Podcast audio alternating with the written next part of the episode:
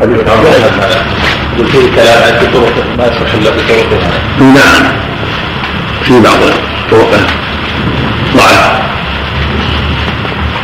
والمحفوظ عند مالك جماعة رسالة ولكن رواه ابن داود في المراسيل بإسناد جيد متصل وبقية الطرق تؤيد ذلك وهو من باب الحسن لذاته أو الحسن لغيره أقل أحواله أنه من باب الحسن لغيره بكثرة الطرق وتأيده بفتوى الصحابة رضي الله عنهم نعم. السائل بحديث عائشة. بعد ما على الحاج لا يخرج من البيت. على جواز مس المصحف لغيره. ما هذا عام مخصوص أو عام مخصوص. العمومات ما تنظر خاص. ولا تضر خاص. نعم. نعم. يشترط مقتئي الطهارة نعم. السائل يشترط يشترط طهارة. لا طواف سبب نعم الله عن عباد بن تميم هذا عن عمه. نعم. عباد بن تميم عن عمه. عمه هذا منه. عبد الله بن زيد؟ بن عاصم نعم. نعم. هل يطوف إيش؟ صحيح إيش؟ هل يطوف الرجل انما طوف وش الحشي عندهم الرجل هو ابن عباس. كما في رواية الترمذي وفيه أن طواف البيت الصلاة. إلا أن الله تعالى أحل فيه النطق فمن نطق فلا ينطق إلا بخير. ورواه الحكم بن موسى من حديث سفر اليوم. من حديث؟ سفر اليوم. سفر؟ سفر نعم. اليوم؟ سفر اليوم. كذلك نعم. سفر اليوم؟ نعم. بالالف واللام والياء والواو والميم اليوم؟ نعم اليوم. في حديث سفر اليوم. ما ورواه من؟ ورواه الحكم بن موسى من حديث سفر اليوم آه. ورواه ابن حبان والحاكم وقال الترمذي وقد روي عن طاووس عن ابن عباس رضي الله عنه موقوفا ولا نعرفه مرفوعا الا من حديث عطاء وقال الامام احمد عطاء ثقة رجل صالح قال ابن وقد رواه غير عطاء عن طاووس فرفعه ورواه عبد الله بن طاووس وغيره من الاكفاء عن ابن عباس رضي الله عنه موقوفا وهو أشبه. المشهور هو الموقوف ولكن الموقوف يتأيد بذلك. لأن مثل هذا لا يقال بالرأي. نعم. عفوا عنك يا شيخ. وحديث وحديث عمرو بن حزم. له تعلق بالمصحف لا بالطواف نعم. نعم. إذا إذا ما وجد ريحا ولكن حديث عائشة في الصحيحين. توضأ لما أراد الوضوء ولما أراد الطواف. واضح في المعنى أيضا؟ هو أظهر الحج نعم. نعم. نعم. إذا لم يجد ريحا ولم يسمع صوتا لكنه أحس ومتأكد. إذا علم انتهى المقصود العلم. إذا تأكد أن خرج من شيء ولو ما سمع شيء. نعم. صلى الله عليه بالنسبة للمدرس الذي نعم. المدرس الذي يدرس الأطفال هل يأمر يأمرهم بأن يتوضأوا؟ وإذا كان بلغوا السبع يؤمرهم بالوضوء أما من دون السبع ما له يكتب لهم حاجات في أوراق ولا في ألواح؟ نعم. ما دام سن التكليف؟ نعم. يقول ما دام يعني الاعتبار الغيب نعم. فالأمر فيه يعني. بس لا يمكنهم من المصحف. يجعل لهم أشياء. حاجات ومثل الغالب أنه في أول السنة الأولى. السنة الأولى. السابعة السنة الأولى في الغالب كان أجزاء أو يجعل لهم في أوراق أسهل من المصحف ورقات له أو يؤجل تعليمه القرآن إلى السنة إلى إكمال السبع حتى يعلمهم الطهارة نعم من حمل الطهارة على الطهارة المعنوية طهارة الإنسان لا هو الطهارة الشرعية إذا كان له عرف شرعا يحمل عليه سمع نعم المميزين عفى الله ولا في البالغين نعم الكلام في المميزين ولا في البالغين؟ المميز المميز والبالغ كله له المميز يعلم وعلم الطهارة والمميز- والبالغ معروف. نعم. مثلا طيب ما يقدر يكتب لهم يكتب لهم الوقت ولا نعم سم رحمه الله تعالى أبواب ما يستحب الوضوء لأجله باب استحباب الوضوء مما مست النار ورخصة في تركه عن عن إبراهيم بن قال انه ولد ابا هريره رضي الله عنه يتوضأ على المسجد. فقال إنما اتوضا من اكبار اكلة أكلتها. لأني سمعت رسول الله صلى الله عليه وسلم يقول توضا مما مست النار. وعن عائشة رضي الله عنها قال وعن عائشة رضي الله عنها عن النبي صلى الله عليه وسلم قال توضأوا مما مسة النار.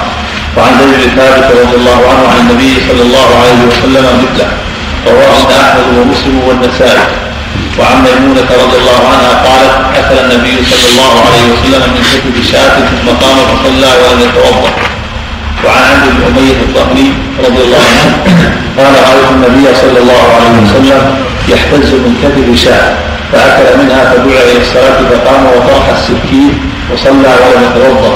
متفق عليهما.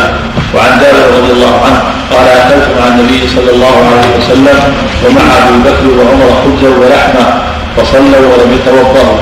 رواه أحمد. وعن جابر رضي الله عنه قال كان آخر الامرين من رسول الله صلى الله عليه وسلم ترك الوضوء مما مسته النار. رواه أبو داود والنسائي. وهذه النصوص إنما كانت الايجاب لا الاستحباب. ولهذا قال للذي سأله ونتوضا من لحوم الغنم إن شئت فتوضأ وإن شئت فلا تتوضأ. ولولا أن الوضوء من ذلك مستحب لما أذن فيه. لأنه اسراف وتضييع للماء بغير فائدة. باب فضل الوضوء لكل صلاة. عن أبي هريرة رضي الله عنه عن النبي صلى الله عليه وسلم قال لولا أن أشق على أمتي لأمرتهم عند كل صلاة بوضوء ومع كل وضوء بسواك. رواه أحمد بإسناد صحيح. وعن أنس رضي الله عنه قال كان رسول الله صلى الله عليه وسلم يتوضأ عند كل صلاة. قيل له فأنتم كيف تصنعون؟ قال كنا نصلي الصلوات بوضوء واحد ما لم رواه جماعة إلا مسلما. وعن عبد الله بن حنظلة رضي الله عنه أن النبي صلى الله عليه وسلم كان أمر بالوضوء لكل صلاة طاهرا كان أو غير طاهر. فلما شق ذلك عليه أمر بالسواك عند كل صلاة ووضع عنه الوضوء إلا من حدث وكان عبد الله بن عمر رضي الله عنهما يرى به على ذلك. كان يفعله حتى مات. رواه أحمد وأبو داود وروى أبو داود والترمذي بإسناد ضعيف عن ابن عمر رضي الله عنهما أن النبي صلى الله عليه وسلم قال من توضأ على كفر كتب الله له به عشر حسنات. باب استحباب باب استحباب الطهارة لذكر الله عز وجل والرخصه في تركه. عن المهاجر بن كنكل رضي الله عنه أنه سلم على النبي صلى الله عليه وسلم وهو يتوضأ فلم يرد عليه حتى فرغ من وضوءه فرد عليه. وقال إنه لم يمنعني أن أرد عليك إلا أني كرهت أن أذكر الله إلا على طهارة. رواه أحمد بن ماجه بنحوه. وعن أبي جهيم بن الحارث قال أقبل النبي صلى الله عليه وسلم من نحو بئر جمل فلقيه رجل فسلم عليه فلم يرد عليه النبي صلى الله عليه وسلم حتى أقبل على على الجدار فمسح بوجهه ويديه ثم رد عليه السلام. متفق عليه. ومن الرخصة في ذلك حديث عبد الله بن سلمة عن علي رضي الله عنه وحديث ابن عباس رضي الله عنهما قال كنت عند خالتي ميمونة رضي الله عنهما رضي الله عنها وسنذكرهما. وعن عائشة رضي الله عنها قالت كان النبي صلى الله عليه وسلم يذكر الله على كل أحيان رواه خمسة إلى النسائي وذكره البخاري بغير إسناد.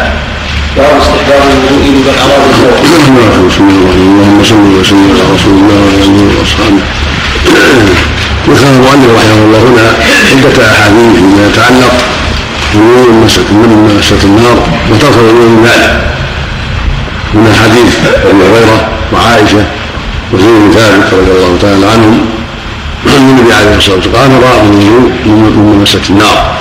وذكر بعد ذلك عدة أحاديث من حمد المؤمنين الضمي حديث جابر وغيره في ترك من ذلك قد اختلف العلماء في ذلك منهم من قال إن وضوء مسة النار قد نسخ في هذه الأحاديث الصحيحة الكثيرة التي فيها أنه أكل ولم يتوضأ. وقال آخرون ليس ذلك بنفس ولكنه لبيان عدم الوجوب أن الأمر ليس بالوجوب بل بالاستحباب. وهذا الذي جنح إليه المؤلف وقال ان إنه صلى الله عليه وسلم قال لمن اكل لحم الغنم ان شئت فتوضا وإن شئت فلا تتوضأ. فيدل على البقاء الاستحباب. وفي هذا نظر فإن ظاهر السنة ومن تحملها يدل على النسخ وأن الأوامر بنسخ النار أنها نسخت.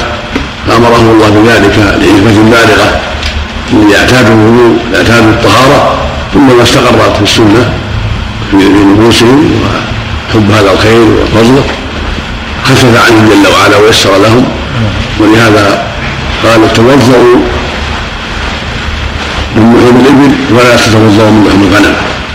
ولا تتوضؤوا من لحوم الغنم يدل على النسخ. لأن فيه النهي عن الوضوء يدل على انه أن الأمر منسوخ. وهذا بعدما نسخ الله ظلم المسح من مسح النار.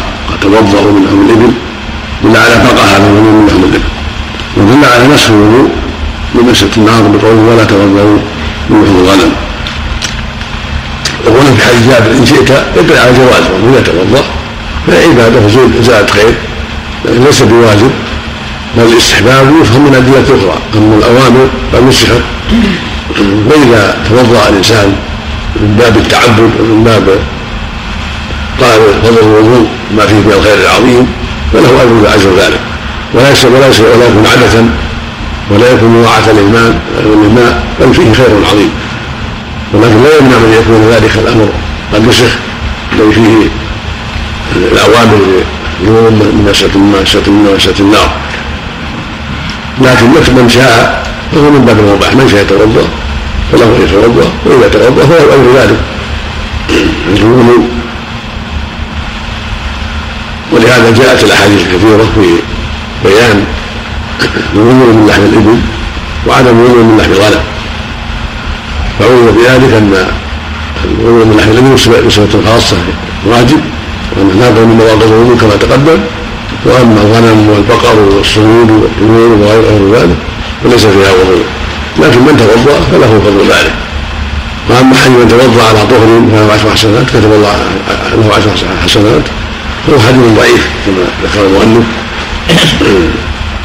رواه أبو الترمذي وفي إسناد عبد الرحمن بن زياد الافريقي هو ضعيف عندهم. فيها شخص آخر يقال له طيب أو ابو طيب في أيضا الفضل.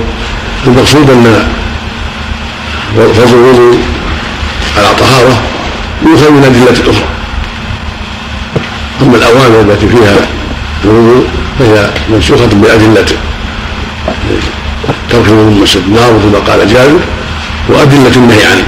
عن ذلك لا توضؤوا انه غنم أما كونه يتوضا يطلب الفضل للأجر أو النشاط هذا يعرف من ادله أخرى منها منها كونه صلى الله عليه وسلم يتوضأ لكل صلاة لم يدل على فضل الوضوء لكل صلاة وهو على طهارة. فإذا أراد ذلك هذا خير لا خير. وفي حديث أنس وما جاء في معناه دلل على أنه صلى الله عليه وسلم كان في الأغلب يتوضأ لكل صلاة. هذا هو الأغلب. وربما صلى الصلوات بوضوء واحد كما في يعني بين الصلاتين في أسفاره كان يجمع بينهم بوضوء واحد. وهكذا في يوم الفتح صلى الصلوات كلها بوضوء واحد. فسأله عمر عن ذلك فقال عن فعلت عليه الصلاة والسلام. ليعلم الناس أن الوضوء لا يجوز كل صلاة وأن إذا كان على طهارة فلا مانع أن يصلي الصلوات بوضوء واحد. كما قال أنس إن الصحابه كانوا يفعلون هذا. ما لم يحدثوا. قال وفعله يوم الفتح ليعلم الناس ذلك. ومن صلى الظهر والعصر والمغرب والعشاء بوضوء واحد لم يحدث فلا شيء عليه ولا بأس. وفي بقية الأحاديث دلال على شرعية ذكر الله على كل حال.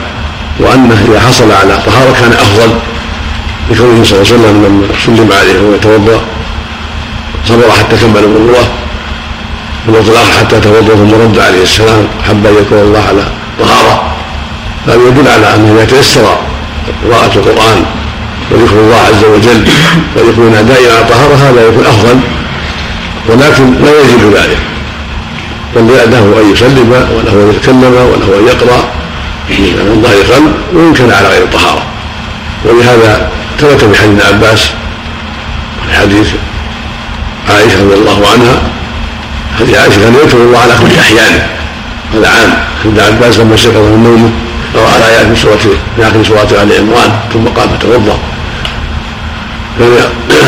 إذا سلم عليه الصلاة رد عليهم السلام وقال لأبي هريرة وحذيفة وهما جنوبان أن المسلم لا ينجس. فدل ذلك على أنه لا حرج في السلام وفي ذكر الله وإن كان على غير طهارة. وهكذا في حد الله بن سلمة عبد الله بن سلمة عن علي في الجنوب. قال لا يقرأ القرآن ولا آية. فمن على أن غير الجنوب يقرأ القرآن ويذكر الله وإن كان على غير الطهارة فالحاصل أن كون الإنسان على طهارة في أوقاته هذا أفضل إذا تيسر ذلك. ولكن لا لا يلزم أن يكون على طهارة دائما. ولا يمنع من ذكر الله وقراءة القرآن إذا كان على غير الطهارة لم يكن جنوبا وإذا تيسر له أن يكون على طهارة عند ذكر الله وعند قراءة القرآن وعند مخالطة إخوانه بالسلام عليهم ورد السلام عليهم هذا أفضل كما قاله النبي عليه الصلاة والسلام. والله أعلم. نسأل الله. يشرع التيمم لرد السلام ولو كان عنده الماء. هذا محل نظر. قد يكون هذا التيمم ليس من وجود الماء ليس عنده ماء لأن الأصل فلم تجدوا ماء هذا هو الأصل.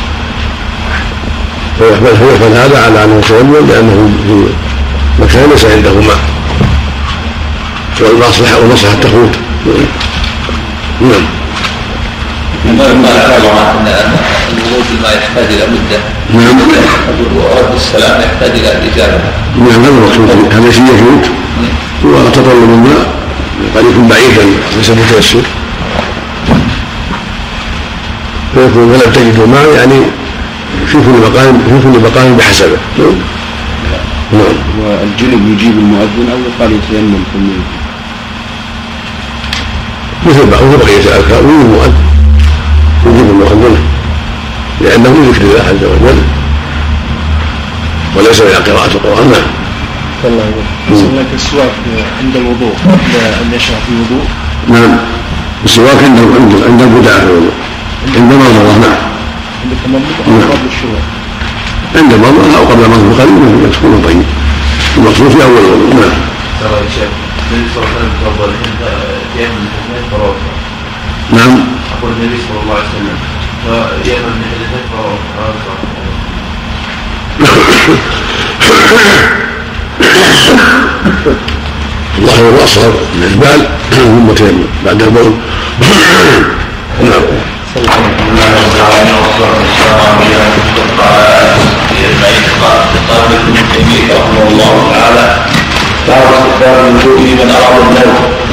عن المراد تعالى رضي الله عنه قال قال رسول الله صلى الله عليه وسلم إذا أتيت موضعك فتوضأ وضوءا للصلاه ثم اضطجع الايمن ثم قلت اللهم ارجعت نفسي إليك ووجهت وجهي إليك وفوضت أمري إليك وألجأت ظهري إليك رغبه ورهبه إليك لا ملجأ ولا منجأ منك إلا إليك اللهم امنت الذي انزلت ونبيك الذي ارسلت إن كنت من ليلتك فانت على الفطر واجعلهن من اخر ما تتكلم به. قال فرددتها على النبي صلى الله عليه وسلم فلما بلغ اللهم آمنت بكتابك الذي أنزلت قلت ورسولك. قال لا ونبيك الذي أرسلت. رواه أحمد والبخاري والترمذي.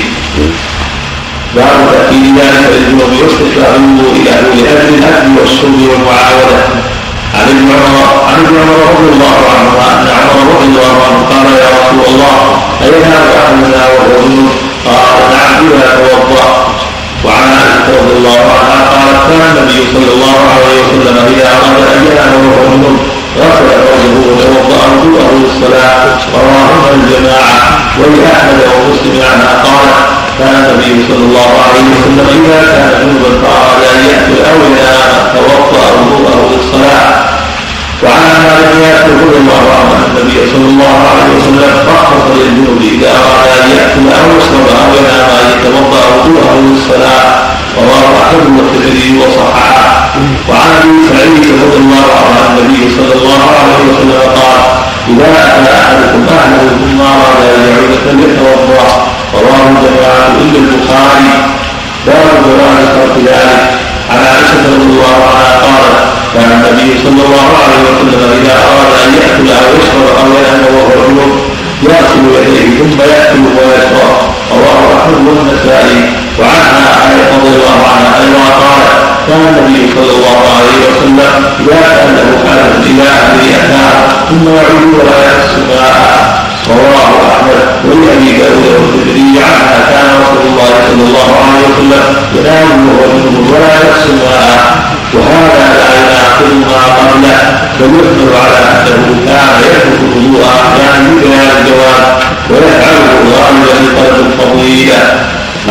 وجبات الغرب الغسل بسم الله الرحمن الرحيم اللهم صل وسلم على رسول الله وعلى اله واصحابه اما بعد هذه الاحاديث تدل على فوائد الفائده الاولى ان السنة للمؤمن عند النوم وهكذا المؤمنه الوضوء ويستحب للرجل والمرأة عند النوم الوضوء حتى ينام على طهارة. هكذا دل حديث البراء بن عازم وجاء في معناه. الرسول صلى الله عليه وسلم إذا أردت النوم توضأ ثم اضطجع على جنبك الأيمن. ثم قل اللهم اسلمت نفسي إليك فوضت أمري إليك وجهت وجهي إليك وألجأت ظهري إليك وابت وظهري إليك لا ملجأ ولا منجا منك إلا إليك. امنت بكتابك الذي انزلت وبنبيك الذي أرسلت. هذا يدل على شرعية هذه الكلمات ويجعلهن من آخر ما تقول. ودل ذلك على استحباب أن يتوضأ عند النوم وأن ينام على شقه الأيمن أول ما يضطجع وأن يقول هذه الكلمات في آخر كلامه. وجاء صلى الله عليه وسلم عند النوم أحاديث. كلها تدل على أذكار أخرى منها أنه كان يقول إذا اوى إلى فراشه اللهم باسمك أموت واحيا منها اللهم ربي بشفك ربي هنا اللهم ربي وضعت جنبي وبك ارفعه إن أمسكت نفسي وارحمها وإن ارسلتها فاحفظها ما تحفظ به عبادك الصالحين. ومنها اللهم قني عذابك كما تغفر عبادك ثلاثا يستحب هذا عند النوم كما فعله النبي صلى الله عليه وسلم. ثم يضطجع اللهم باسمك أموت وأحيا. اللهم اشفك ربي وضعت جنبي وبك أرفعه. إن أمسكت نفسي فارحمها وإن وصلتها فاحفظها. بما تحفظ عبادة الصالحين. اللهم قني عذابك وما تبعت عبادك. من قراءة آية الكرسي. وأن من قرأ نزع عليه الله حافظ. ولا يقربه الشيطان حتى يصبح. هذا ما يشرع للمؤمن عند النوم. ومنها ما ذكر في حديث البراء من يطيع شق الايمن ويتوضأ ويقول اللهم أسلمت نفسي لك إلى اخره ومن ذلك والفائدة الثانية الدلالة على شرعية الوضوء. للمؤمن إذا أراد أن ينام على جنابه أن يتوضأ قبل أن ينام. كان صلى الله عليه وسلم إذا كان على جنابه غسل فرجه وتوضأ وضوءه للصلاه ثم نام. واستاذن عمر في ذلك فجاء أين اين احدنا وجود قال اذا توضأ أحد فليرقد هذا يدل على شرعية الوضوء لمن أراد النوم وهو على جنابة. يعني من باب أولى ان يتوضا ثم ينام. لأن الوضوء يخفف الحدث. حدث أكبر وأصغر. هذا الوضوء يزيل الحدث الأصغر. وهذا هو الأفضل والسنة وسنة مؤكدة. كما دل على حديث عمر وحديث عائشة واحاديث أخرى. فإن نام ولم يفعل فلا حرج. لهذا ربما غسل يديه ولم يتوضأ وأكل وشرب. فالأفضل أن يعيد الوضوء أن يتوضأ عند النوم وعند الأكل والشرب كما دل على حديث عائشة وعمار. وعند إعادة العود أن يعاود الجماع استحب له الوضوء. في حديث أبي سعيد لأنه أنشط للعود ودل احاديث عائشة الأخرى وحديث والاحاديث الأخرى الوارده في الباب على أنه ليس بواجب فله أن يأكل وله أن يشرب وإن لم يتوضأ وله أن ينام. ولكن الافضل له والأولى به أن يتوضأ وهو أفضل الصلاة. وحديث عائشة كان ينام. من إلى السماء. حديث أنه كان يغسل يديه ثم يأكل ويشرب كله يدل على ان هذا ليس بواجب. وبعض أهل العلم حكم على حديث عائشه في قصه في بقولها ينام وهو من السماء أنه وهم من أبي إسحاق السبيعي. وان رواياته الأخرى تدل على أنه كان يتوضأ. ولكن ما قال المؤلف لا لا تنافي بين الروايات فإن الجماع مو مرة ولا مرتين يتكرر في ليالي كثيرة. وقام في مكة في المدينة عشر سنوات عليه الصلاة والسلام وعنده عدة من النساء فالمقصود أنه صلى الله عليه وسلم في الغالب يتوضأ عند النوم وربما ترك ذلك ليعلم الناس الجواز وأنه لا حرج في ذلك وهذا الجمع لا لا محذور فيه ولا حاجة إلى تغليط الرواة. وهذا اقرب وأولى من الحكم عليه بغير حجة لأنه غلط. فالأفضل للمؤمن أن يتوضأ عند النوم ولو كان ورد ولو كان ليس على جنابه. فإذا كان على جنابه تأكد ذلك يستنجي ويتوضأ وضوء الصلاه ثم ينام. وان اغتسل كان أكمل وأفضل. كما جاء عنه صلى الله عليه وسلم إنه ربما اغتسل وربما أخره إلى آخر الليل الغسل. وهكذا عند الأكل عند الأكل والشرب اذا توضأ فهو أفضل. فإن توضا وأكل وشرب أو أعاد الجماع فلا حرج. اما كونه يتوضأ عند النوم وقبل الأكل وقبل الشرب وقبل الجماع يكون أفضل. جمعا بين الروايات التي جاءت عنه عليه الصلاة والسلام مثل ما قال المؤلف رحمه الله وقاله اخر من أهل العلم. والله أعلم. سم لا ولا شيخ. نعم. الادعيه الوضوء خاص بنوم الليل؟ نعم. خاص بنوم الليل الوضوء والادعيه هذا جاء في نوم الليل نعم. نعم. ولا يسمع عندما رد عليه الرسول صلى الله عليه وسلم. مو بعيد يقال عند النوم اذا اراد ينام يتوضا له في النهار لكن الروايات جاءت في نومه صلى الله عليه وسلم. النوم عند في الليل. نعم. الله عندما رد عليه لأن الغالب يطول خلاف نوم النهار قد يعلو قليلا. نعم. الله عندما رد عليه الرسول صلى الله عليه وسلم عندما قال رسوله قال أنا بي نعم. يقول عندما رد الرسول صلى الله عليه وسلم عن البراء نعم. عندما قال الدعاء يبين أنه ينبغي العناية بالالفاظ الفاظ النبي صلى الله عليه وسلم. لأن الرسول الذي أرسلت فيه فيه نوع تكرار فإذا قال نبيك فالنبي غير الرسول. ولذلك قال نبيك الذي أرسلت حتى لا يكون هناك تكرار في الكلمات احتج به بعض أهل العلم على ينبغي العناية بالفاظ النبي صلى الله عليه وسلم. وعدم الروايه في المعنى إلا عند الحاجة. نعم. نعم. الوضوء حتى ولو كان طاهرا نعم الوضوء الوضوء حتى ولو كان طاهرا اذا كان طاهر ما في حاجة. نعم. نعم. الله عليك الاستغفار عند النوم. جاء في هذا شيء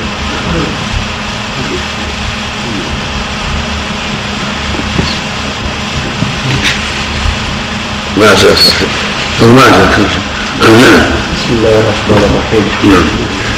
الحمد لله رب العالمين وصلى الله وسلم على نبينا محمد وعلى آله وصحبه أجمعين.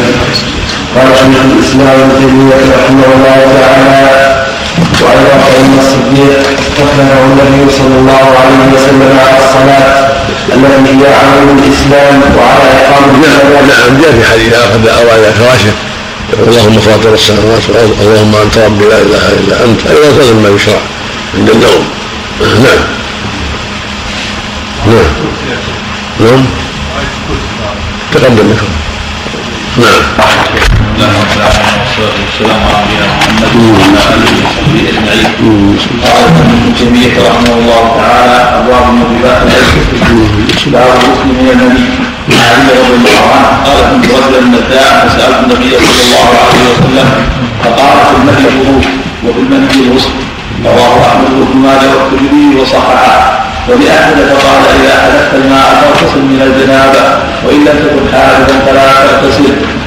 وفيه تنبيه على أن ما خرج بغير شهوة إما لمرض أو ضرب فلا يوجب الغسل.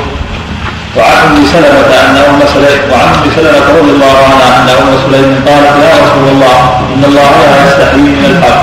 فهل على المرأة الغسل إذا احتلمت؟ قال نعم إذا رأت الماء. فقالت أم سلمة رضي الله عنها وتحترم المرأة.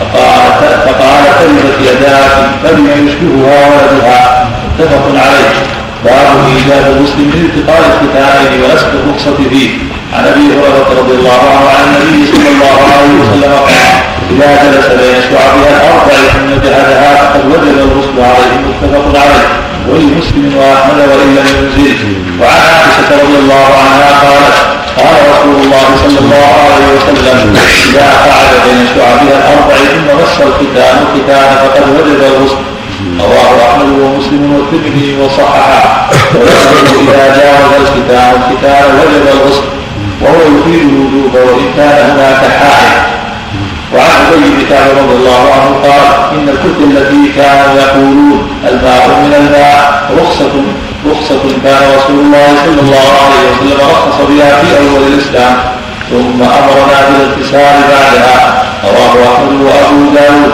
وفي لفظ انما كان الماء من الماء رخصة في أول الإسلام ثم نهي عنها. رواه الترمذي وصححه. وعن عائشة رضي الله عنها أن رجلا سأل رسول الله صلى الله عليه وسلم عن الرجل يجامع اهله ثم يكسل وعائشة رضي الله عنها جالسة. فقال رسول الله صلى الله عليه وسلم إني لأفعل ذلك أنا وهذه ثم نغتسل رواه مسلم. وعن رافع بن خديجة رضي الله عنه قال ناداني رسول الله صلى الله عليه وسلم وأنا على بطن امرأتي فقمت ولم أنزل فاغتسلت وخرجت فأخبرته. فاخبرته فقال لا عليك الماء من الماء قال رافع ثم أمرنا رسول الله صلى الله عليه وسلم بعد ذلك بالغسل. رواه أحمد. باب من ذكر احتلاما ولم يجد بلدا أو بالعكس. عن حولة بنت حكيم رضي الله عنها أنها سألت النبي صلى الله عليه وسلم عن امرأة ترى في منامها ما يرى الرجل فقال ليس عليها غسل حتى تنزل كما أن الرجل ليس عليه غسل حتى ينزل.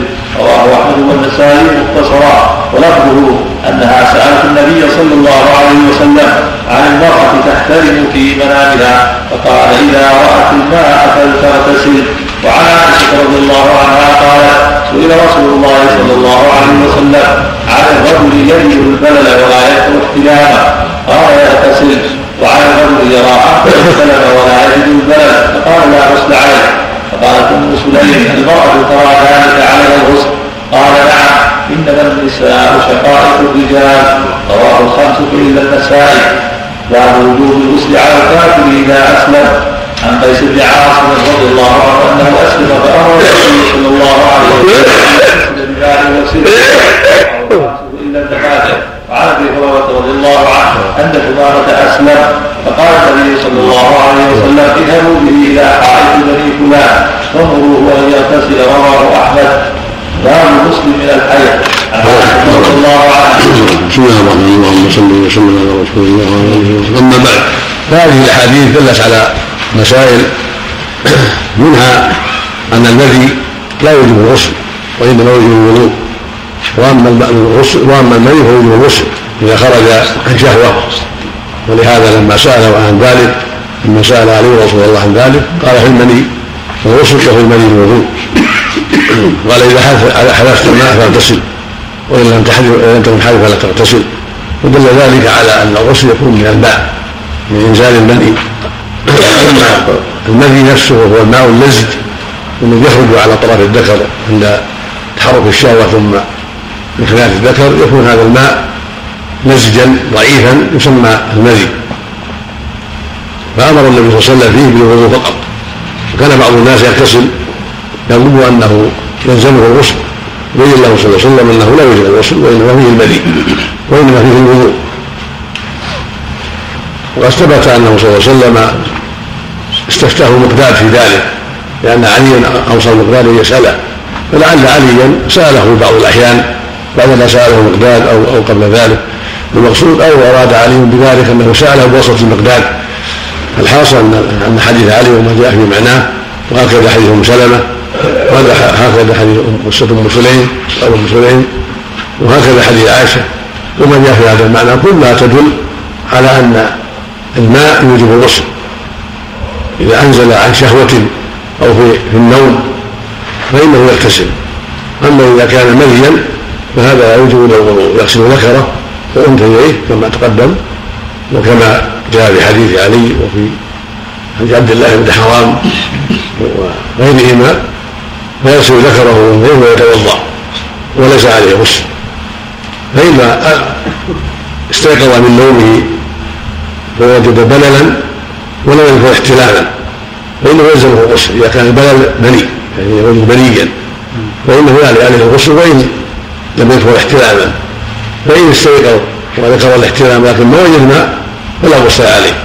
ولهذا لما سألت أم سليم المرأة تغتسل ترى في منامها من الرجل قالت تغتسل إذا رأت الماء وهكذا في حديث عائشة إن رأت ما تغتسل وإلا فلا كالرجل سواء فمن رأى الماء بعد نومه ليلا أو نهارا بالكسل وهو المني فإذا رأى شيئا فلا غسل عليه وإن وإن رأى أنه جامع. ما دام ما رأى ماء فلا غسل عليه.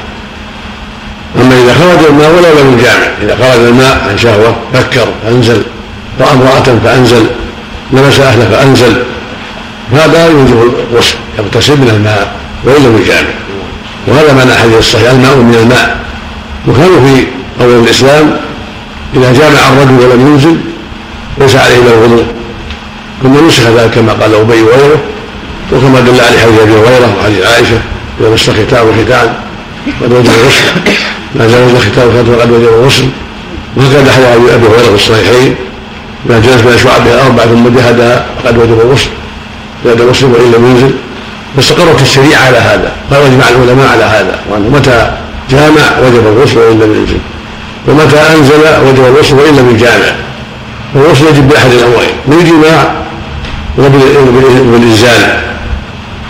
باحتلام أو عن شهوة وهو يقظ وهو يقظ وظاهر النص أنه يجب الغسل وإن كان من وراء حائل فلو نفع على ذكره شيئا وجامع وجب عليه الغسل وإن كان هناك حائل. لعموم قوله صلى الله عليه وسلم إذا حدث فاغتسل.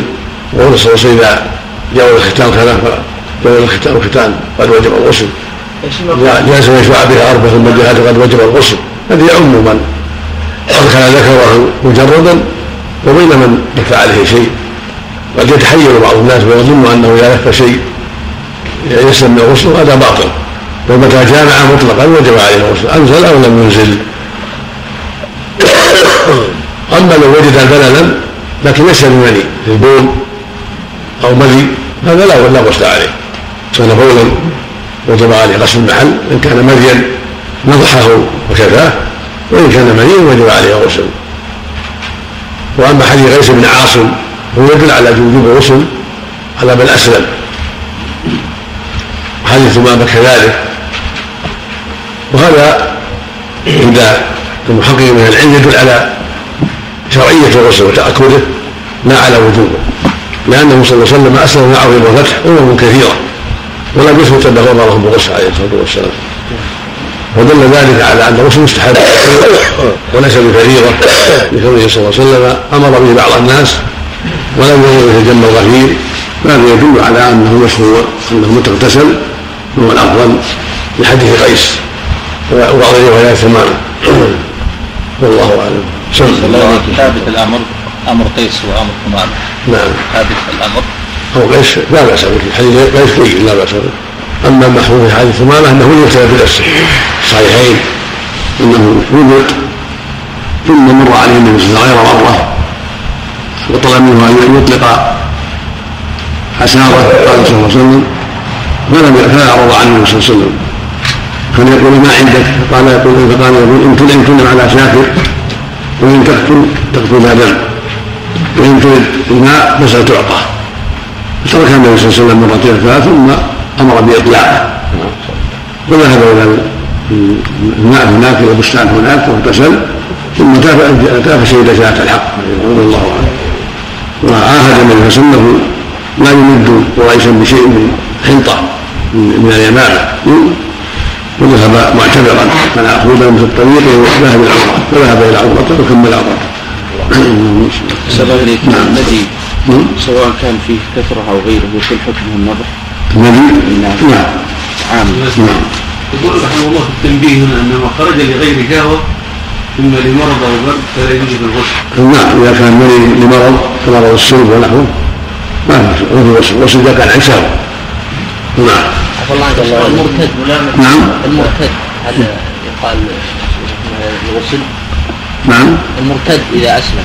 مثله مثل على الغسل. نعم. ولو نعم. كان وهم قصير عفى الله عنك. ولو. نعم البرد المرض به على ظاهره. نعم. البرد أو نوع من المرض. اي أي مرض. المقصود يخرج عن شهوه بعض الناس يبتلى بالمني دائما يخرج منه. عن علة في السلب يكون في اسفل الظهر مرض يصاب بهذا يكون المني يمشي معه.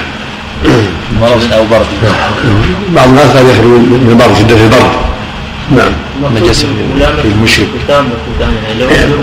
معنويا من ذاتيه معنوية. نعم. عليه غسل؟ نعم. عليه غسل الحديث اللي مر من اللي هو؟ مس الختام الختام الختام.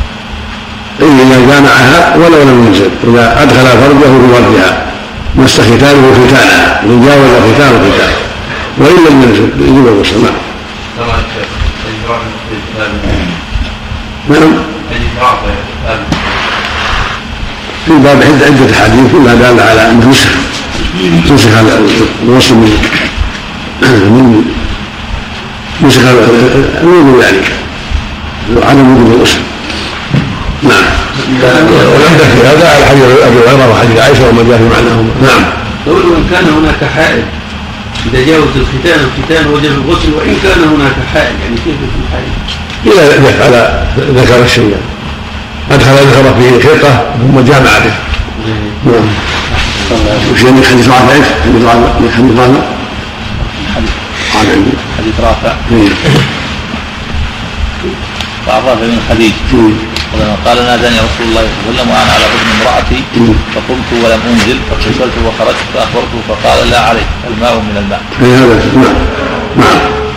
قال رافع ثم أمرنا رسول الله صلى الله عليه وسلم. بعد ذلك بالغسل رواه احمد اشكال عليها الشيء أتكلم عليه. ورواه الطبراني في الكبير وفيه مسكين بن سعد ضعيف لسوء حفظه. وقد روى الإمام أحمد نحوه عن عتبان أو ابن عتبان الأنصاري بإسناد حسن كذا في مجمع الزواهر نعم. العمدة مو على حاجة واحدة العمدة على حاجة أخرى الصحيحة نعم. نعم. نعم. حدث في ابي موسى الأشعري حينما سأل عائشة رضي الله عنها عن الجماع بدون انزال قالت لا عليك. ما ما سمعت. ما أذكر وهو نعم. نعم. ولو قلت وجوده يحمل أنها خشي عليها الأمر أو نسيت يصح نعم. ابن تيميه رحمه الله تعالى أخبار المسلم من الحي.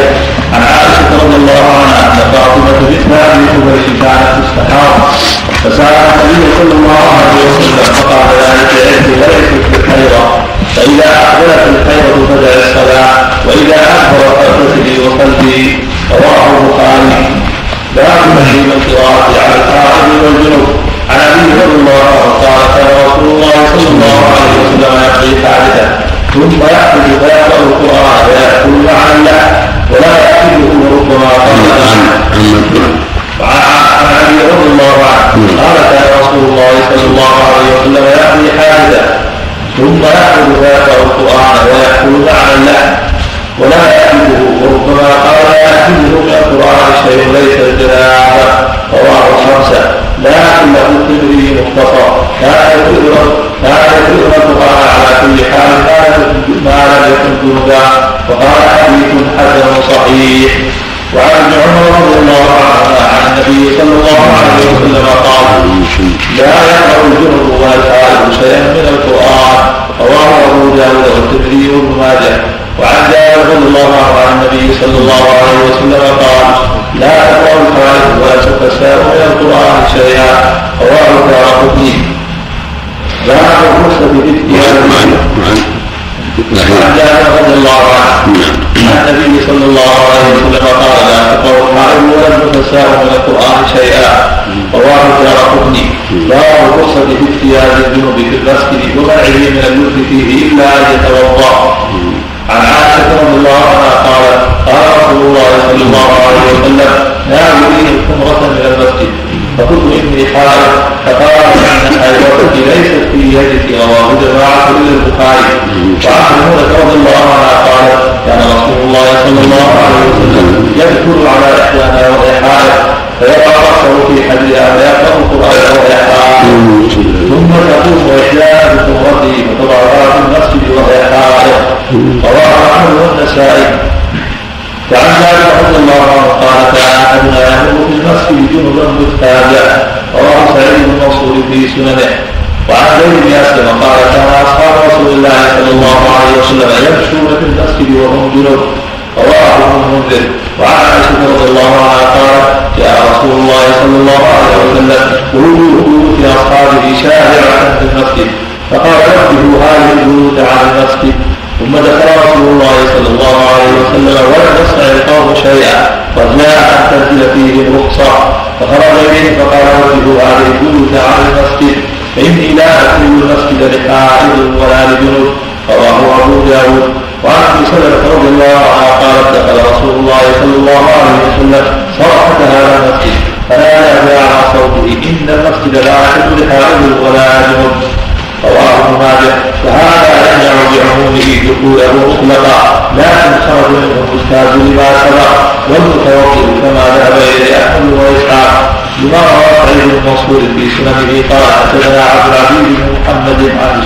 سعد عن زيد بن عن عطاء بن يسار قال رايت رجالا من أصحاب رسول الله صلى الله عليه وسلم يجلسون في المسجد وهم مجرمون اذا توضأوا وضوء الصلاه وروى حمد بن إسحاق صاحب احمد قال حدثنا أبو نعيم قال حدثنا هشام بن سعد عن زيد بن أسلم قال كان أصحاب رسول الله صلى الله عليه وسلم يتحدثون في المسجد وهم على غير وضوء. وكان الرجل يكون جنبا فيتوضا ثم يدخل المسجد فيتحدث باب طواف الجنوب على نسائه بغسل وبأغسال عن انس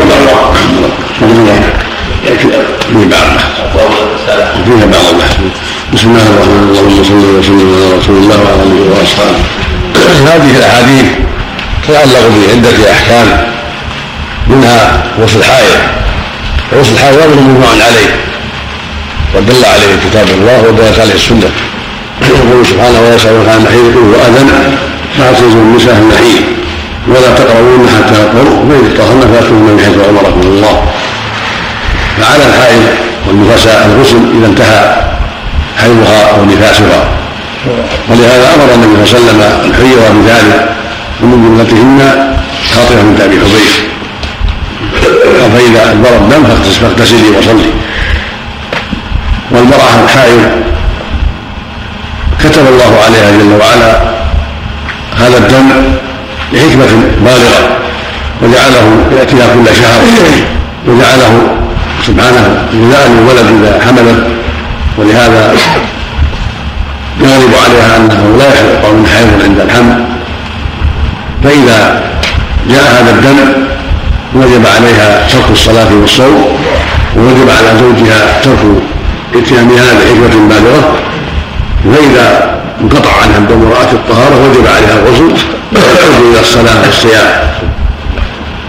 ولكنها لا تقضي الصلاة وتقضي الصوم بإجماع أهل العلم والصلاة لا تقضى والصوم رضي الله عنها قال كان رسول الله صلى الله عليه وسلم يدخل على إحدانا وهي حائض فيضع رأسه في حدها فيقرأ القرآن وهي ثم تقوم احدانا بكفرته فتضعها في المسجد وهي حائض رواه أحمد والنسائي وعن جابر رضي الله عنه قال كان احدنا يمر في المسجد جنبا مستعجلا رواه سعيد بن منصور في سننه.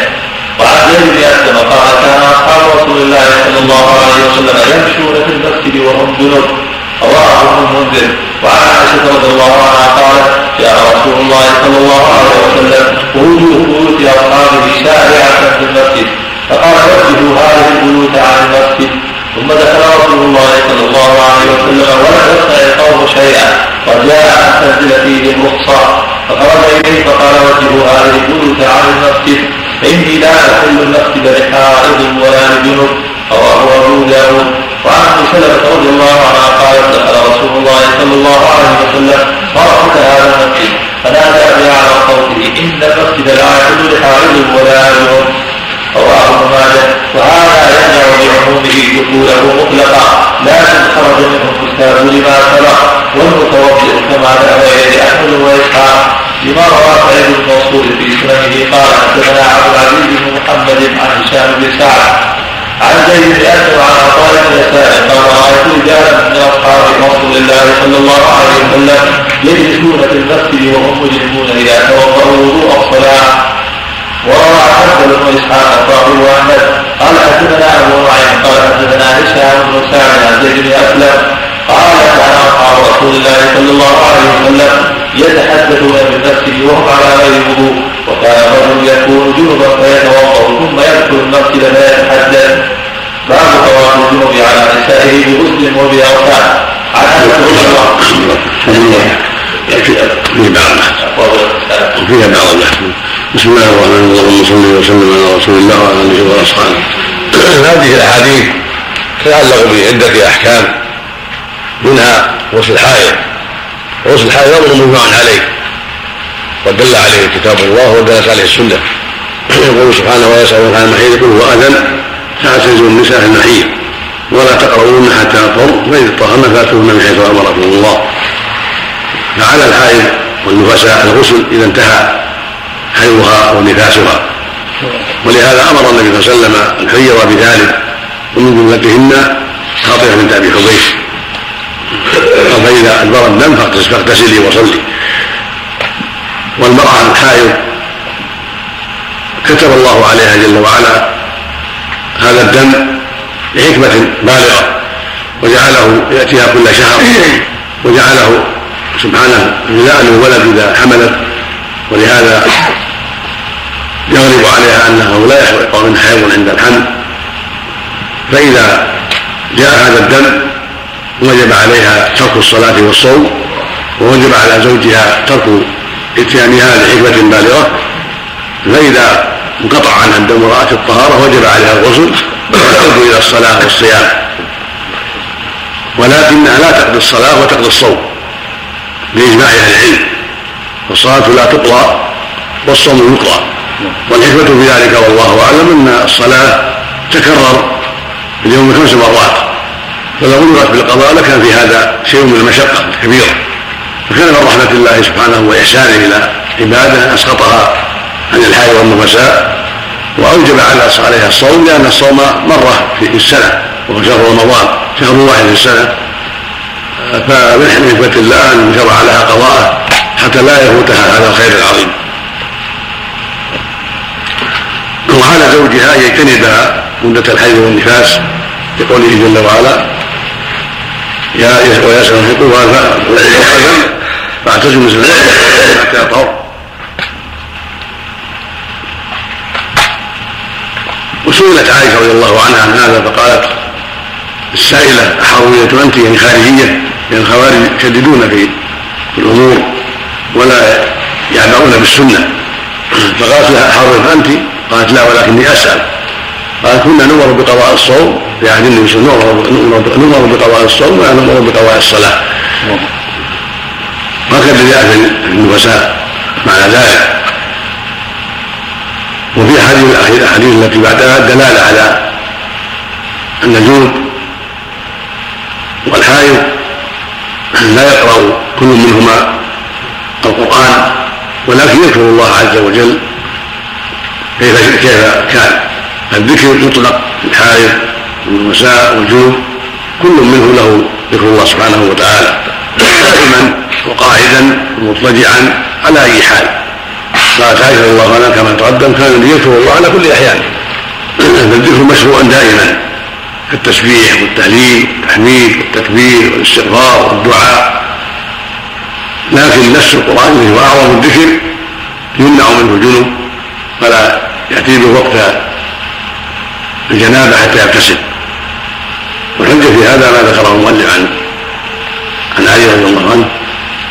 قال كان النبي صلى الله عليه وسلم إذا قضى حاجته يأكل من اللحم ويقرأ القرآن ما لم يكن جنوبا. والحديث اللفظ الآخر فأما الجنوب فلا ولا آية كما رواه أحمد بإسناد جيد عن ابن غريب عن علي. هذا يدل على أن الجنوب لا يقرأ القرآن ما دام جنوبا. قد خرجه الخمسة. بإسناد جيد من حديث عبد الله بن سلمة المرادي قد علّه بعضهم بعبد الله وأنه قد ساء حفظه في بعد كبر سنه ولكنها ليست بعلة. الصحيح أنه معتمد وأن روايته حسنة كما قال الترمذي رحمه الله إنه حسن صحيح. عبد الله بن سلمة المراد راوي عن علي. وإما إن أنا في حفظه شيئا بعد كبر سنه والصواب أن مثله حجة ما لم يبن خطأ منه برواية الثقات تخالف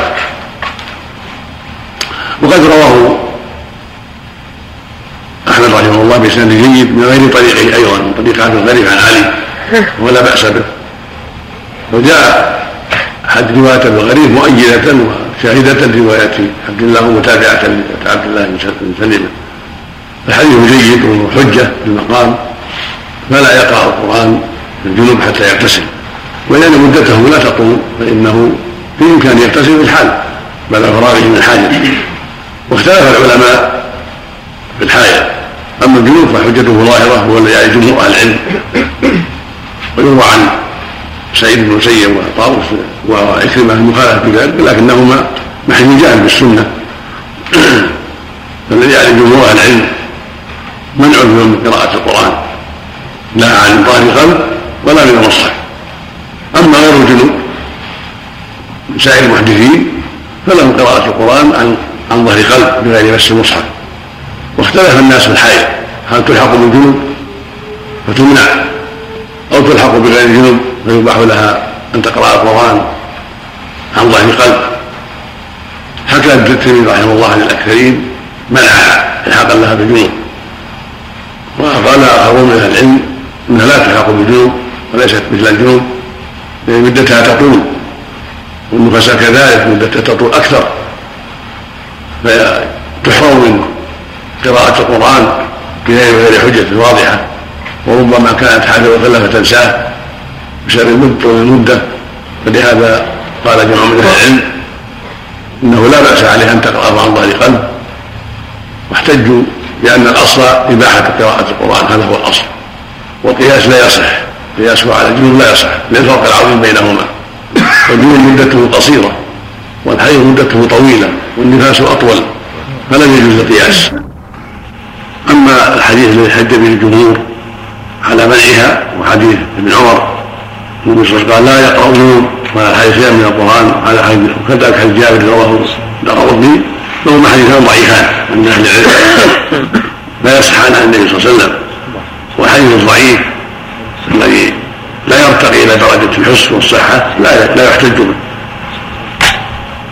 العلة في حديث أنه من رواية إسماعيل بن عياش عن الحجازيين وروايته عنه ضعيفة وإنما يحتج به إذا روى عن الشاميين. ومما احتج به من قال بذلك أيضا أن النبي صلى الله عليه وسلم قال لعائشة إفعلي ما يفعل الحاج. وهذا في الصحيحين. لا تطلبي حتى تطهري ولم يقل لها لا تقرأي القرآن. بل أمرها أن تفعل ما يفعل الحجاج غير الطواف. فدل ذلك على أن قراءتها جائزة لأن الحاج يقرأ القرآن. فهكذا عائشة وإن كانت حائضة وهكذا النفساء أسماء كانت نفساء. ولم ينهى عن قراءة القرآن. أسماء بنت بنت عميس زوجة الصديق. لأن ولدت محمد بن أبي بكر في الميقات. وما فيما أمرت به عائشة. ولم يقل لهما لا تقرأ. القرآن. والمعلوم أن الحج الحجاج يقرؤون القرآن وليسوا ممنوعين من قراءة القرآن. فدل ذلك على أن قراءة القرآن جائزة لها لكن من دون مس المصحف. لأن إذا حرم مس المصحف على المحدث الأصغر فصاحب الحدث الأكبر من باب أولى وهذا هو الأولى والأظهر أنه يجوز لها أن تقرأ القرآن عن ظهر قلب. ولا سيما عند الحاجة إلى ذلك كخوف النسيان أو كونها معلمة أو طالبة يخشى عليها أن تفوتها بالدراسة أو ما أشبه ذلك من الحاجات فإنها تتأكد في هذه الحال إيش بعدها؟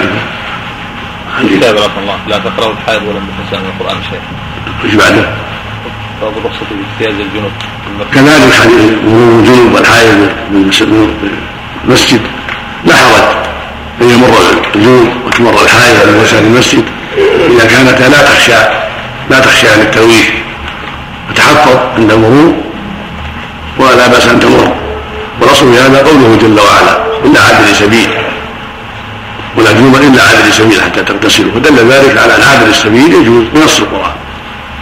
وهكذا أمر النبي عائشة أن تأتي بخمره من المسجد. قال اسمع اني حائضة إن حيضتي ليس بيدك وهكذا ميمونة. المقصود أن هذا يدل على أن المرور من المسجد للحاجه كأن تأتي بحاجه المسجد أو تضع حاجة في المسجد كأن تضع المصلى في المسجد أو تأخذ حاجة في المسجد أو تخرج من باب إلى باب الحاجة إلى ذلك وهكذا الجنوب لا حرج في ذلك لأنهما داخلا في قوله تعالى إلا عابر سبيل وهكذا كان أصحاب النبي يفعلون ذلك رضي الله عنهم لعلمهم بهذا الاستثناء أما قول عليه وسلم ولا جنوب فهذا في حق من يجلس فيه في المسجد أما النار فلا حرج عليه. وأما ما رواه زيد بن أسلم أن بعض اصحاب اللي كان إذا توضأ جلس فهذا احتج به من قال بجواز ذلك كاحمد واسحاق رحمه الله وجماعه وجماعه والقول الثاني أنه ما لا أنه لا يجلس في المسجد ولو كان توضأ. لعموم الآية الا عاجل سبيل. جنوبا الا عاجل سبيل. والوضوء لا يخرج عن كونه جنوبا ولعموم لا حدث الحيض ولا جنوب. هذا اظهر أظهر وأقوى. وفعل من فعل هذا من الصحابه يحمل على أنه خشي عليه الدليل الدال على أنه يمنع من الجلوس فيه. هذا هو. ثم هشام بن زيد اللي روى هذا فيه كلام هشام بن سعد مولى يتيم زيد بن أسلم في كلام من أهل العلم وإن كان أرجح أنه حجة وبرجال مسلم لكن مثل هذا الانفراد بهذا الشيء يجعل الناس شيئا في هذه المسألة خاصة. فالاصل المنع هذا هو الأصل إلا من المرور فقط. فإذا كان بعض الصحابة فعل ذلك لما توضأ يحمل على انه خشيت عليه السنة في هذا أو خشي الحكم الشرعي في هذا. فالأصل الأخذ بالحجة والأخذ بالدليل. وإذا خالف فعل بعض الصحابة فيحمل فعل بعض الصحابة على أنهم لم يبلغهم الدليل ولم تنتظر لهم الحجة فلهذا فعلوا ما فعلوا من الله عنهم. والله أعلم. الآية الله. نعم. أقول الأصل الآية. نعم. ولا يجوم إلا عبد السبيل نعم حديث جابر رواه الدار قطني. ضعيف أيضا. نعم. نعم. كان دخول المسجد لأجل حاجة كأذان أو غير ذلك. لا بأس لكن المؤذن يقف يقف مدة طويلة يشبه الجلوس. فينبغي أن لا يأتي إلا وهو متوضا إلا وهو مغتسل. إذا كان لا يجوز إلا إذا كان الاذان في خارج المسجد كما لو كانت المناره خارج المسجد أو في بيت خارج المسجد فالأمر سهل. لكن كونه يؤذن في مناره في داخل المسجد تابعه المسجد الأحوط الا يفعل ذلك وإن كان قائما ليس بجالس لكن قيامه يشبه الجلوس. لأن يعني قيام له له له قيمة. فالاحوط له أيضا ثم يسن له أن يكون على طهارة. المؤذن يستحب أن يكون على طهارة. فالأولى به أن يغتسل قبل ذلك. الحمد لله. لكن لو قال لو ضاق الوقت عليه يرجى أن يكون أن لا يكون له شيء لأنه ليس ليس بجلوس وقوف عارض. لكن الاحوط له ان يجتهد وأن يتقدم بالغسل ويحتاط. نعم. بالنسبة حفظك الله هل للجنوب أن يفتح قرآن مسجل يستمع إليه؟ مسجل؟ نعم.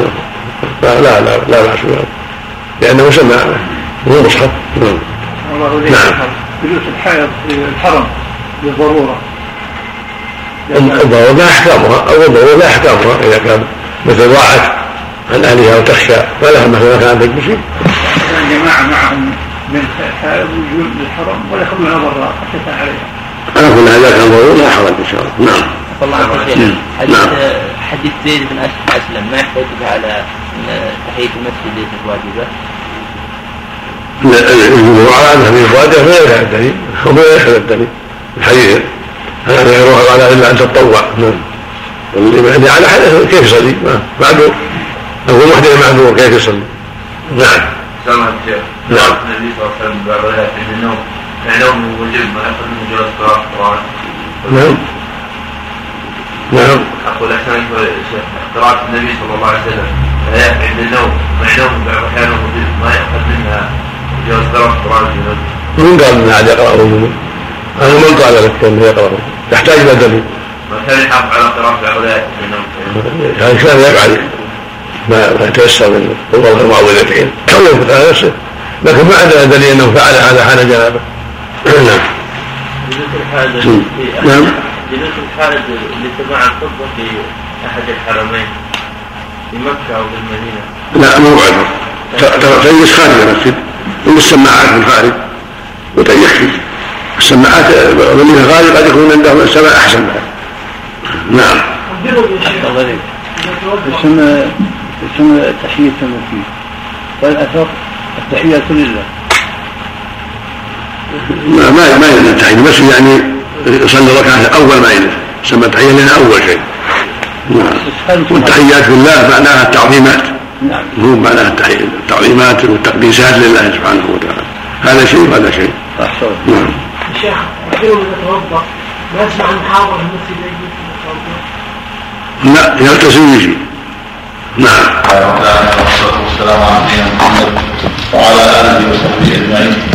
قال ابن تيمية رحمه الله تعالى باب طواف على نسائه بغسل ورياسات عن أنس رضي الله عنه أن النبي صلى الله عليه وسلم كان يطوف على نسائه بغسل واحد رواه جماعة من البخاري ولأحمد والنسائي في ليلة بغسل واحد.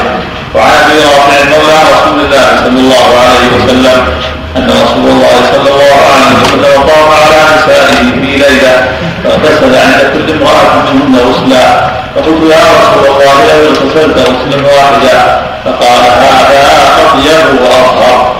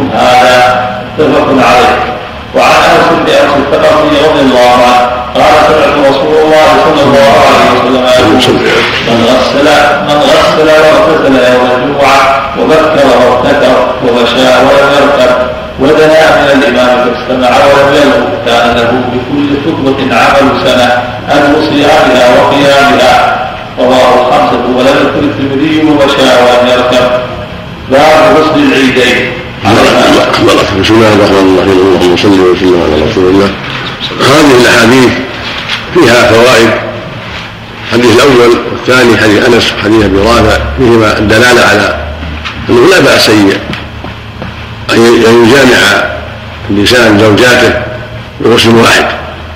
قال بعضهم إن هذا خاص به صلى الله عليه وسلم وليس بجيد. والأصل عدم التخصيص. فإذا خص ساعة يطوف فيها عليهن ويجعلها مشتركة فلا بأس كما فعله النبي صلى الله عليه وسلم. فإذا جامع كل واحدة شرع له الوضوء أما الغسل فهو بين أمرين إن قدمه فهو أفضل وإن أخره فلا بأس. ولهذا في حديث أنس طاف عليهم بغسل واحد. رواه الشيخان الصحيحين وغيرهما أيضا. وفي حديث أبي رافع أنه اغتسل عند كل واحدة فراجعه أبو رافع فقال هذا أزكى وأطيب وأطهر. أزكى وأطيب وأطهر. حديث رافع رواه أحمد وأبو داود وهكذا رواه النسائي أيضا. وإسناده عندهم لا بأس به في الجملة.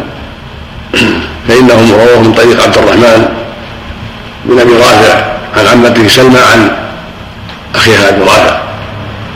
وعبد الرحمن هذا ليس بمشهور لكن وثقه ابن معين. وسلمى وثقه ابن حبان. قال فيهما صاحب التقريب حافظ إنهما مقبولان.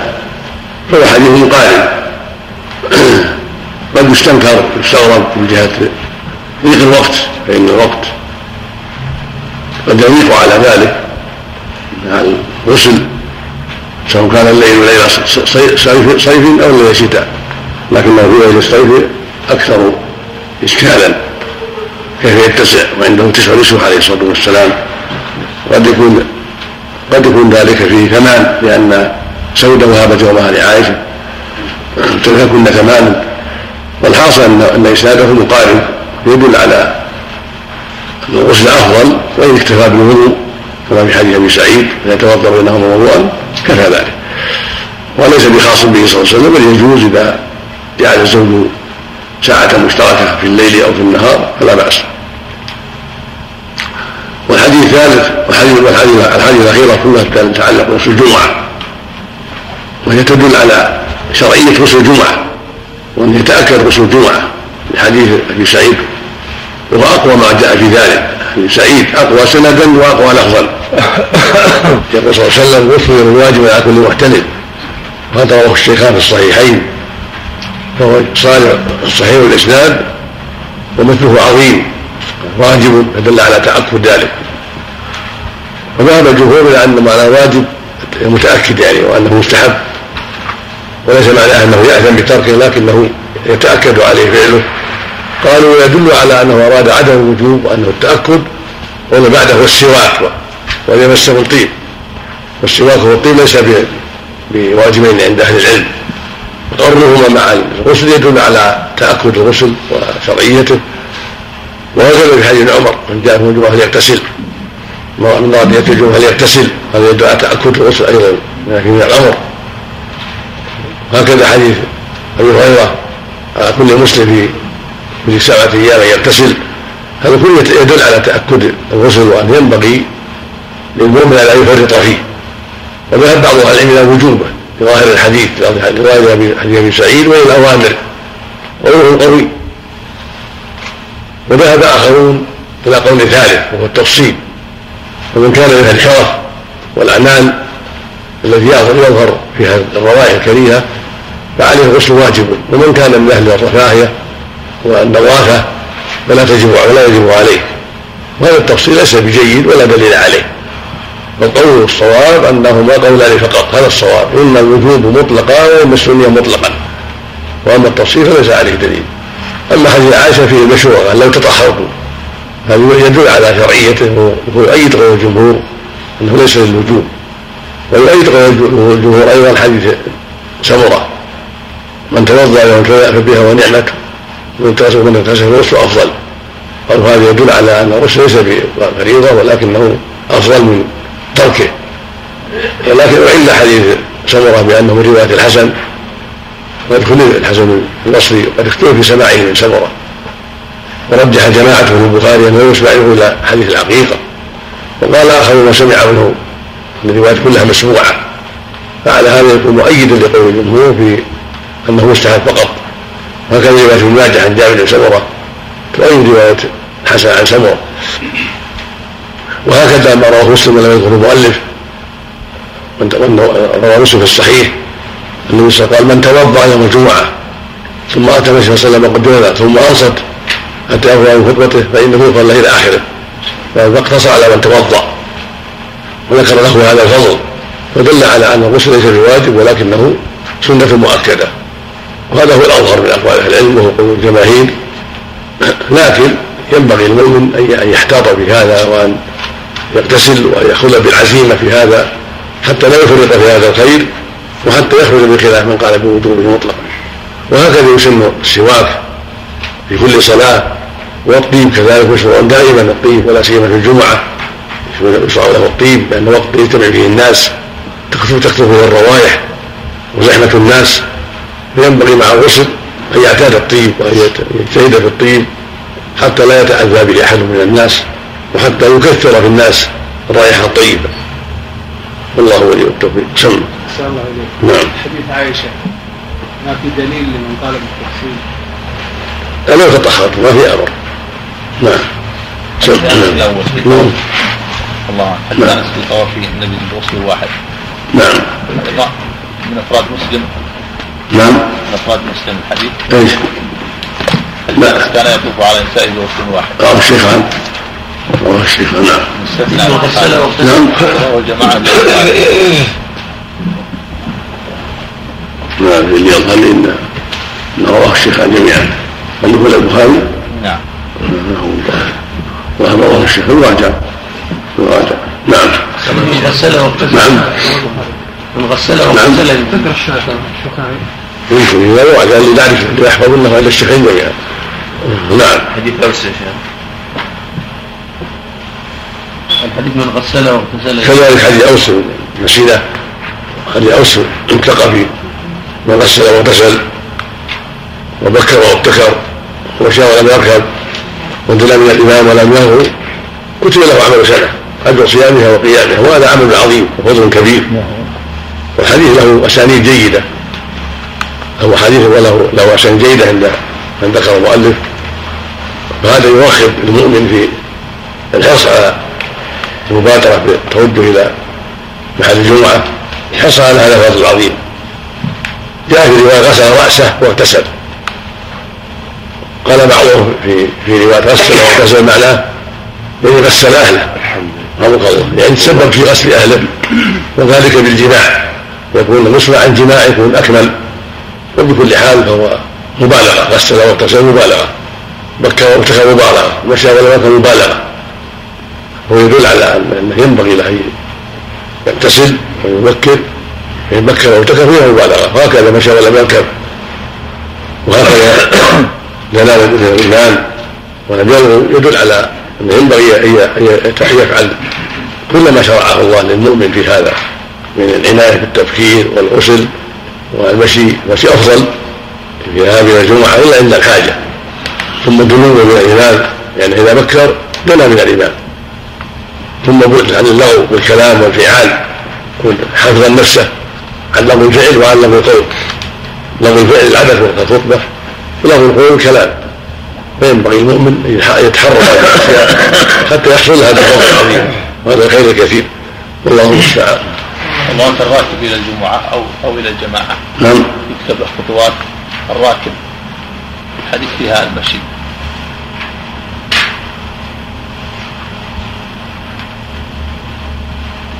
الله والله أعلم أنه يكتب له عمل المشي عمل الخطوات وإن كان راكبا أو في السيارة. يكتب له عمل الماشيين لأنه أتى بالمطلوب حصل له المطلوب والركوع قد تدعو له الحاجة إما لبعد وإما لرعشه ويصلي ويسال الله يرجى له الأجر العظيم في خطوات الساعين نعم. نعم. جاء في مختصر زاد المعاد للشيخ محمد بن رحمه الله نعم. يقول النبي صلى الله عليه وسلم كان الهدي في يوم الجمعه تغتسل من دون الاخطار منها الاغتسال في يومه وهو أمر مؤكد جدا وجوب وافضل من وجوب السنة والرعاف والقلب هذا كلام القيم هذا كلام القيم لا يقول كلام القيم لأن ما زاد شيء. ابن القيم لا لا هذا يقصر كلام القيم يعني قول بوجوب قول القوي أقوى من أشياء كثيرة قال بها بعض العلماء. نعم. السلام عليكم. نعم. من قال من قال بالوجوب بماذا عن قول السواك؟ نعم. أقول من قال بالوجوب بماذا حمل قوله السواك يعني لا ما اذكر شيء. اظن ما اذكر شيء. سم نعم. نعم. ذكر سيد الأنصار تخريج حديث أنس هذا وقال أخرجه البخاري وأيضا من حديث قتادة عن أنس. هذا اللي يحفظ الذي يحفظ أخرجه البخاري ولكن يراجع يراجع صحة ما قاله الشوكاني. أن حفظه أن أخرجه الشيخان لكن المؤلف الامام رحمه الله. المجد. ولكن قد يسهو الانسان قد يقول الإنسان عند التخريج وهذا كثير. كثير قد لا يحب الإنسان بالمخرجين ولا سيما الشيخان. قد يقول عند التخريج نعم. نعم.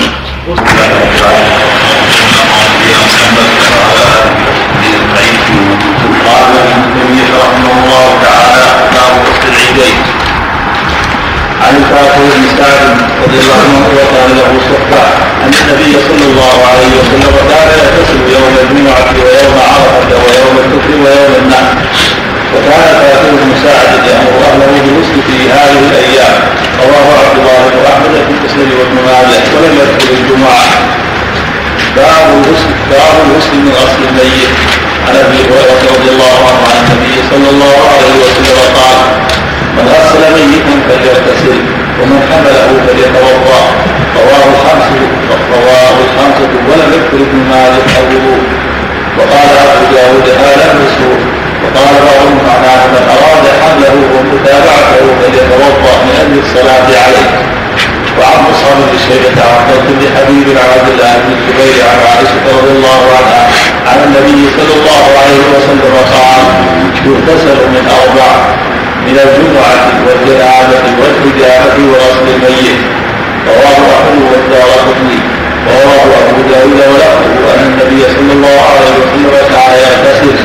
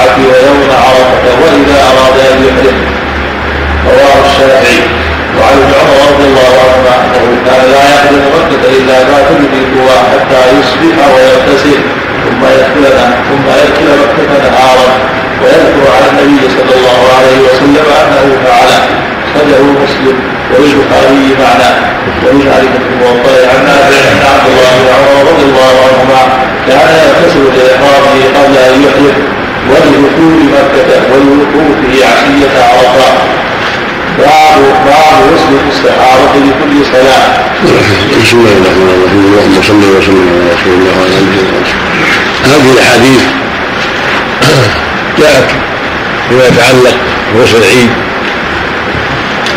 والإحرام وغسل الإحرام والغسل من تقصير الميت والغسل أيضا من الحجامة. أما الجمعة فتقدم الكلام في غسل الجمعة. الأحاديث فيها صحيحة كثيرة لا على شرعية غسل الجمعة كما تقدم. أما العيدان فقال أحمد رحمه الله وابن المديني وابن المنذر وجماعة انه لم يثبت في غسل العيد شيء من الأحاديث الصحيحة. ليس في حديث ثابت تدل على غسل العيد. ولعل السر في ذلك والله أعلم أنه يكون في أول الصباح قبل أن تشتد الحرارة قبل أن يكون العرق الروائح. فلهذا لم يجد فيه شيء وإنما جاء في الجمعة. أما العيد فهو يكون في أول النهار. فالعرق فيه والروائح أقل. أما حديث الفاكهه بن سعد النبي صلى الله عليه وسلم يوم الجمعة ويوم العيد يوم النحر ويوم الأضحى الاضحى فهذا سنده ضعيف كما قال الحافظ سنده واهن. ومن مراجعة مسند أحمد. اتضح أنه من طريق عبد الرحمن. بن عقبة ومن ابن الفاكه بن سعد الأنصاري قال في التقريب عبد الرحمن هذا لا يعرف وهو مجهول. ولهذا كان حديثه ضعيفا. قال وليس الفاخر إلا هذا الحديث. أما حديث عائشة في غسل الجمعة من الحجامه من غسل الميت هذا لا بأس به. قد جاء بالقول يغتسل وجاء بالفعل كان يغتسل.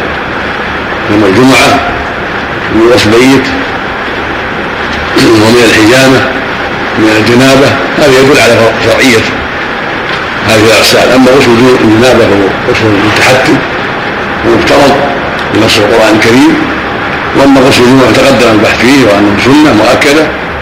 وأما غسل غسل الميت فكذلك سنة. وجاء في حديث عائشة هذا غسل الميت وجاء في حديث أسماء لما غسلت الصديق خرجت إلى الناس تسأل أصحاب النبي صلى الله عليه وسلم عن غسلها وهو يوم برد شديد البرد دل على أنه مستقر عندهم. صحيح الغسل غسل الميت وأنه في معروف. ولهذا استفتت في في الوجوب. فافتوها أنه لا شيء عليها لأن أصل الغسل مستحب ولأن شده البرد ذلك اليوم قد أصبحت صائمة. قد يضرها الغسل معه. المقصود أن هذا يدل على أن أصل الغسل معروف. وأما حديث من غسل مثله فليغتسل ومن هاله وليتوضا وحديث ضعفه الأئمة. قالوا انه لا يثبت عن النبي صلى الله عليه وسلم كما قال أحمد وعلي المديني وغيره. وتأول بعضهم قال ومن حمله يتوضا معناه من أراد حمله يتوضا ليستعد للصلاة عليه. ولكن محفوظ عند أهل العلم أنه ليس بثابت عن النبي صلى الله عليه وسلم قال أبو ذر هو منسوخ